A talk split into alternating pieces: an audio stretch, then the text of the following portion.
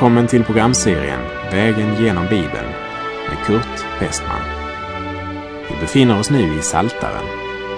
Slå gärna upp din bibel och följ med. Programmet är producerat av Norea Radio Sverige. Vi har nu kommit till den 54 salmen i Saltaren. Salmens profetiska perspektiv talar om ett trons rop som vänder sig till Gud under Antikrists förföljelser. Den historiska bakgrunden för salmen det är en situation där David flyr för sitt liv undan kung Saul som vill döda honom. Händelsen den återfinns i Första Samuelsbokens 23 kapitel där Saul kallar samman allt folket för att dra ner till Kegila och där omringa och innestänga David och hans män. Men David får veta att Saul smidde onda planer mot honom och även får veta att folket i Kegila tänker utelämna honom.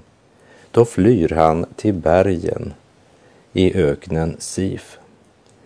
Men Jonatan, Sauls son, han reste till David och styrkte hans mod i Gud. Därefter så reste Jonatan hem igen. Men några sifiter drog upp till Saul i Gibea och sa David håller sig nu gömd hos oss på bergfästena i Hores på Hakilahöjden. Dessa sifiter, de frågade inte efter om de utgöt oskyldigt blod, om de bara genom sitt svek kunde köpa sig den egoistiske kungens välvilja och gunst. Ja, för att kunna vinna sig berömmelse, makt och rikedom förråder de nu David. Innan detta sker så hade David räddat staden Kegila och dess folk undan filisternas svärd. Men folket i Kegila har inte mer än bärgats undan olyckan så är de redo att utelämna sin räddare till döden. Och när han så flyr till den plats där han tror att han är trygg så visar det sig att också dessa människor väljer att förråda honom.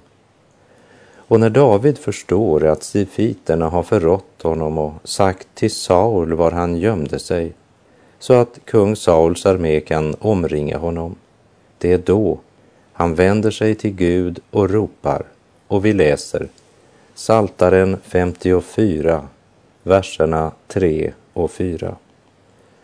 Gud, föräls mig genom ditt namn.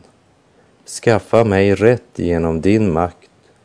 Gud, hör min bön. Lyssna till orden från min mun. David blev förrådd och avslutningen på vår tidshushållning den kommer också att präglas av att den ene förråder den andre. I en tid då folk ska resa sig mot folk och rike mot rike. Den ena etniska gruppen ska resa sig mot den andra etniska gruppen och den ena brodern ska förråda den andre. David är en man på flykt men han har ingen tillflyktsort. Människor som borde ha hjälpt honom valde istället att förråda honom. Och nu omringas han av fienden och han ropar Gud fräls mig, hör min bön. Och vi läser i vers 5. Ty främlingar reser sig mot mig, våldsverkare står efter mitt liv det har inte Gud för ögonen sela. De var främlingar. De hade ingen orsak att vända sig mot David, ingen orsak att förråda honom. Men likt Judas så förrådde man för att själv vinna något på det. David hade inte gjort dem något illa, tvärtom så skulle han ha blivit deras räddning konungen smord av Gud. Men dessa sifiter, De var lika främmande för David som de var främmande för hans Gud. Det var orsaken. De hade inte Gud för ögonen. De hade riktat sin blick mot det synliga, mot det förgängliga. Och de var upptagna av personlig vinning. Även om den skedde på andras bekostnad. Därför hade de kung Sauls gunst och palatsets rikedomar för ögonen. Ja, det är ingenting nytt under solen. Men trots Davids stora nöd är det inte David det är synd om, för han har Gud för ögonen.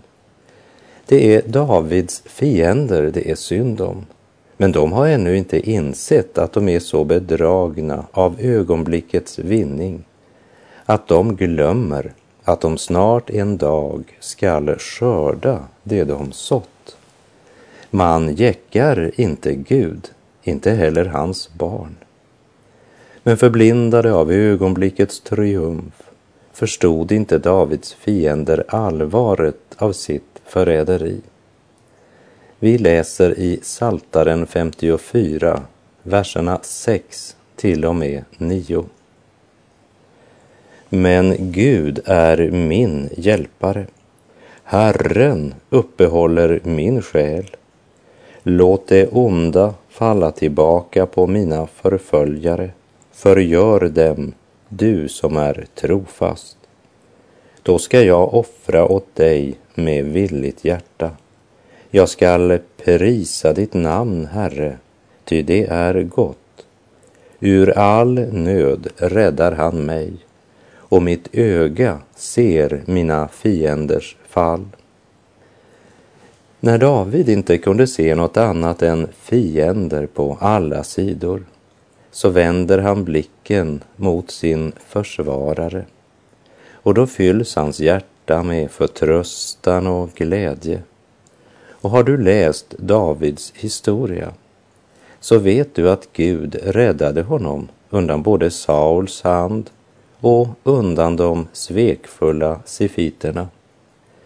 Så ska vår Gud ge sina barn den nåd och uthållighet de behöver för att gå segrande genom ändetidens prövningar. Och när deras förlossning kommer ska tårarna vändas i jubel. Gud är min hjälpare, säger David Trons blick är mycket klar och tränger igenom alla mörka moln. Mitt i hans nöd berörs han av en vind ifrån evighetens värld. Och när Guds ande öppnar vårt öga så ser vi Gud närvarande. David kan redan nu i anden se sina fienders fall och han säger, ur all nöd räddar han mig. Och till dig som just nu lyssnar till vägen genom Bibeln så vill jag bara påminna att tro att Kristus dog är historia. Att tro att han dog för dig är frälsning och evigt liv.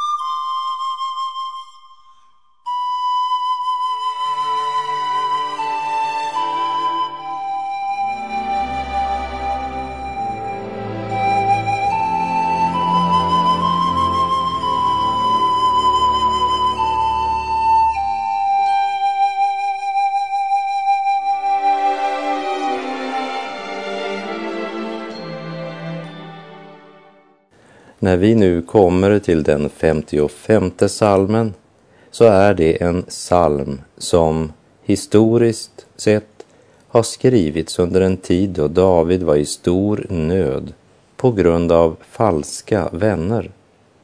Fiender är en sak, falska vänner är dubbelt farligt. För det är dubbelt så överraskande när du knivhuggs i ryggen av den som du väntat dig stöd och hjälp ifrån. Och det är långt mera smärtsamt att förrådas av någon som man håller av.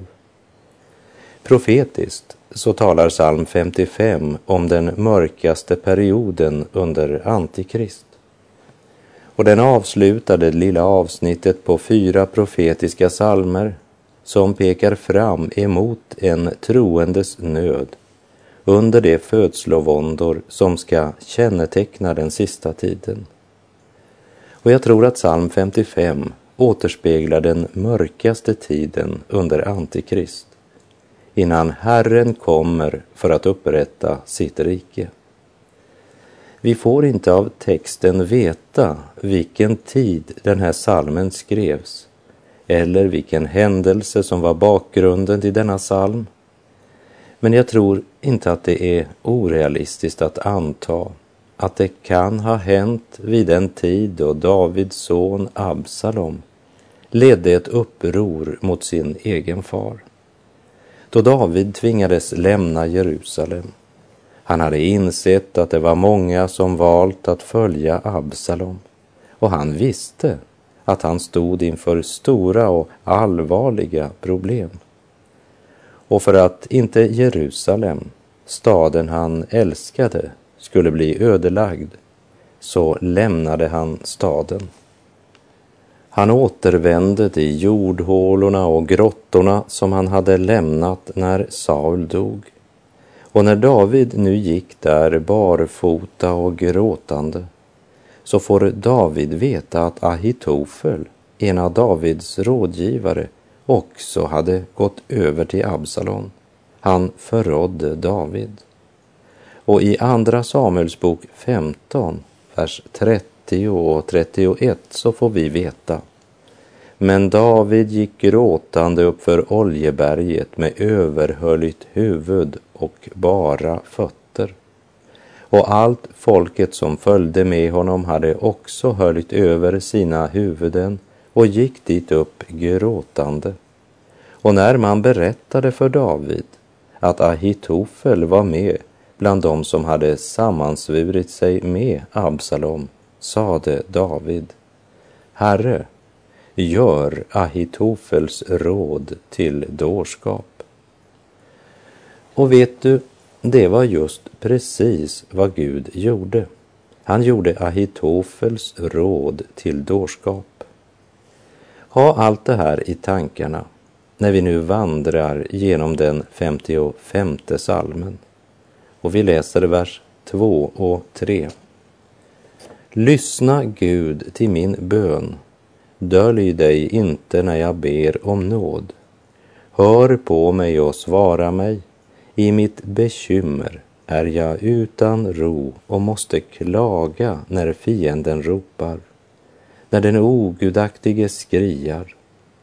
Ty det vältrar ondska över mig, i sin vrede förföljer det mig.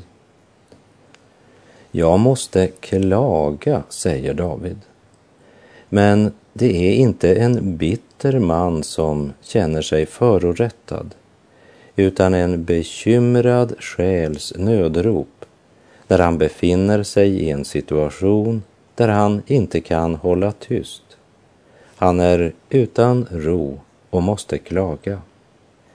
Jag vet att det i Första Thessalonikerbrevet 5.18 står Tacka Gud under alla livets förhållanden. Detta är Guds vilja med er i Kristus Jesus. Men det står också i Filipperbrevet 4, vers 6. Gör er inga bekymmer, utan när ni åkallar och ber, tacka då Gud och låt honom veta alla era önskningar. Det betyder inte att den själ som är i nöd och är utan ro inte skulle få ropa ut sin nöd och förtvivlan inför Gud. När det kändes som om Gud hade dolt sitt ansikte, då ropar David. Människor han räknade med har svikit honom. Endast i Gud söker hans själ nu sin ro när fienden skriker så högt. Vi läser Saltaren 55, vers 5 och 6. Mitt hjärta ängslas i mitt bröst, dödens fasor faller över mig. Fruktan och bävan kommer över mig, förfäran griper mig. Plötsligt känner han sig omgiven av dödens skugga. Den eviga nattens mörker tränger in över hans själ. Han ser ingen väg ut ur den hopplöshet som nu tränger på. Många har förrått honom. Vem var den nästa som skulle svika? Från vilken riktning skulle dödens svärd svingas nästa gång? Han har inte någon öppen flyktväg. Alla vägar är nu stängda, både åt öster, väster, norr och söder. Nu ser han bara en väg och det är uppåt. Lina Sandell hon skrev i en av sina många sånger Herre, låt ingenting binda de vingar vilka du en gång har givit åt mig. Giv att jag fri över jorden mig svingar, lever och andas allenast i dig. Och David, han utbrister i Saltaren 55, verserna 7 och 8. Därför säger jag, ack att jag hade vingar som duvan. Då skulle jag flyga bort och söka mig ett bo. Ja, långt bort skulle jag fly. Jag skulle bosätta mig i öknen Sela. Kan han inte strida med örnens styrka vill han fly som duvan.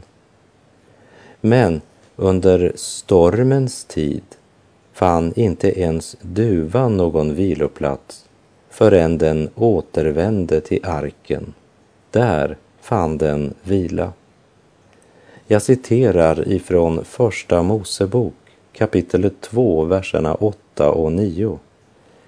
Sedan lät han en duva flyga ut för att få se om vattnet hade sjunkit undan från marken.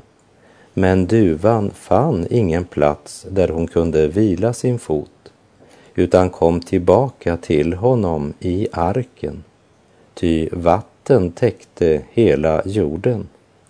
Då räckte han ut sin hand och tog henne in till sig i arken. Hur många stormar som än rasar, hur många vänner som sviker, kan ett Guds barn finna vila i Jesu kärleksfulla armar.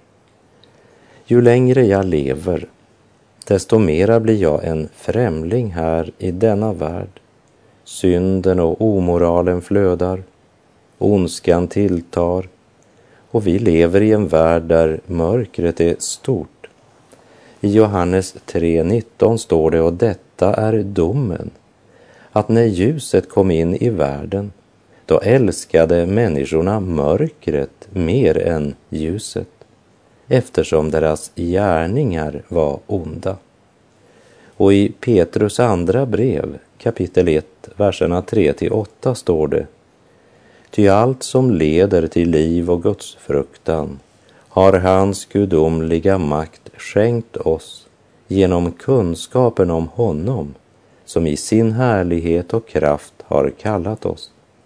Han har gett oss sina stora och dyrbara löften för att ni, tack vare dem, ska bli delaktiga av gudomlig natur sedan ni kommit undan det fördärv som begäret drar med sig i denna värld.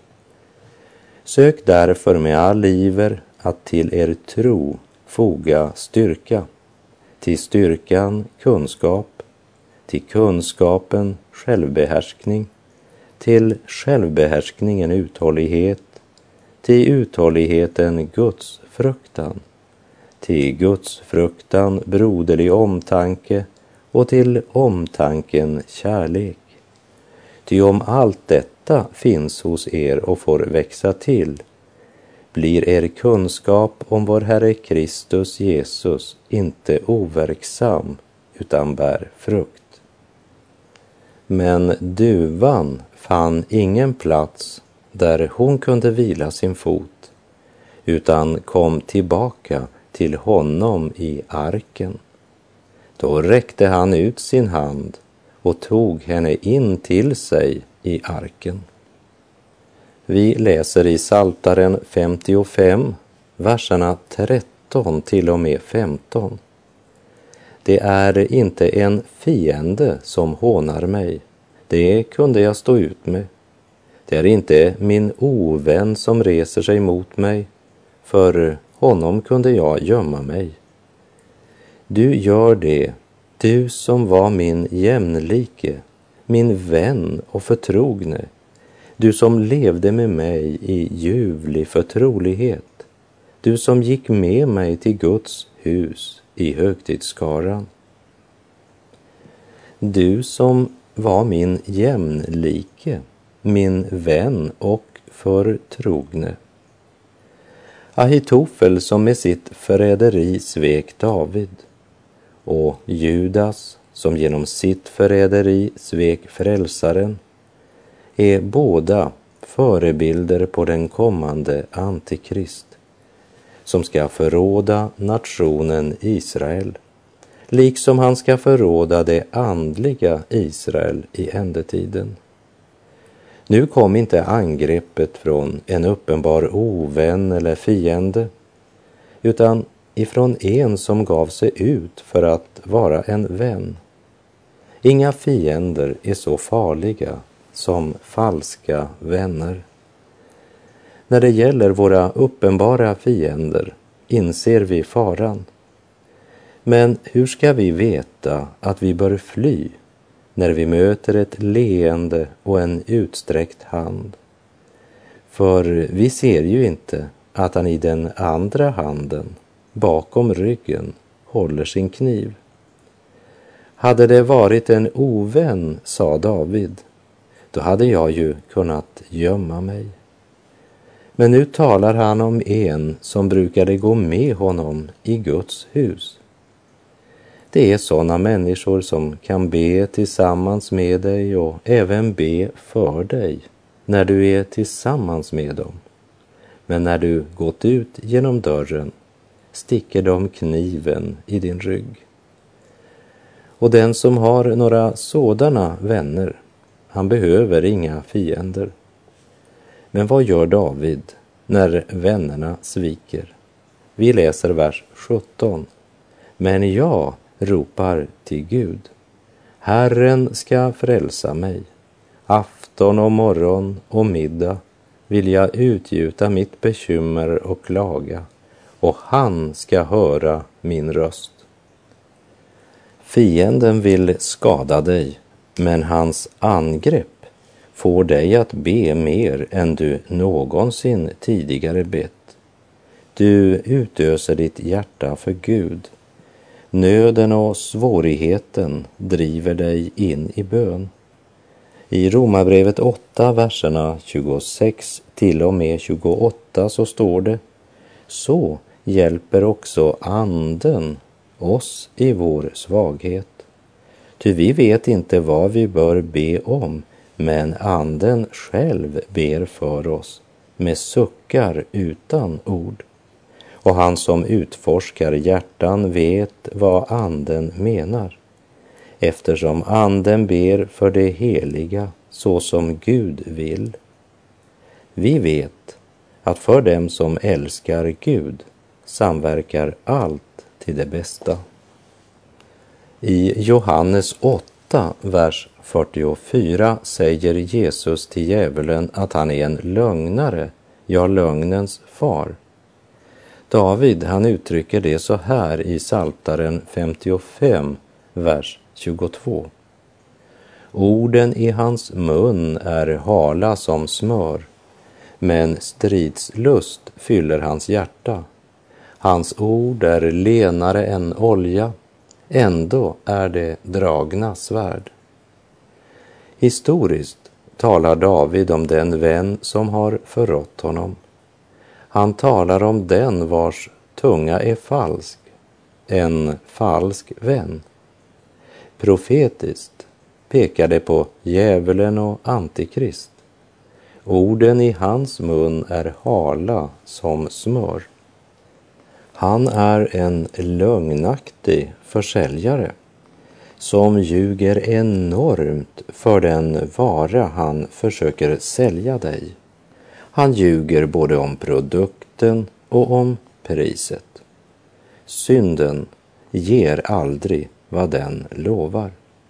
Satan talar inte sant när det gäller synden och han talar inte sant när det gäller Gud. Och han ljuger också när han talar om människan som skapats till Guds avbild. Jesus säger att djävulen är en tjuv och han kommer bara för att stjäla, slakta och döda. Men Jesus, han har kommit för att du ska ha liv, ja, liv i överflöd. Vi läser Saltaren 55, vers 23. Kasta din börda på Herren, han ska uppehålla dig. Han ska aldrig i evighet tillåta att den rättfärdige vacklar.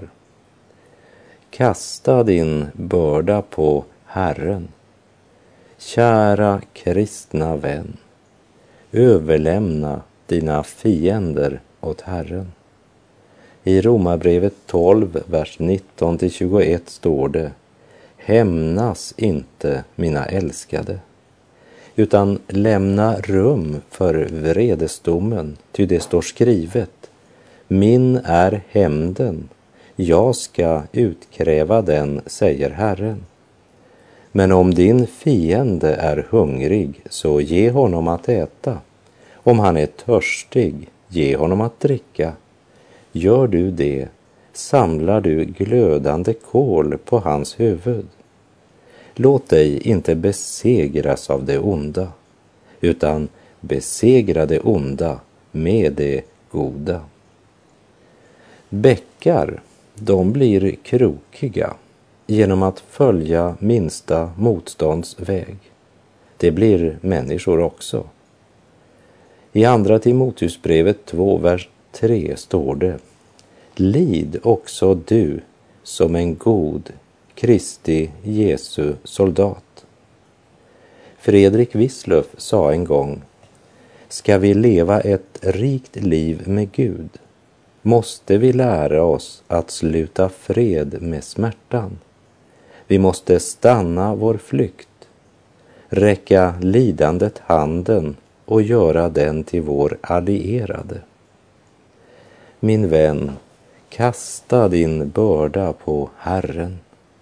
Hans ord och löfte ska stå när allting annat faller.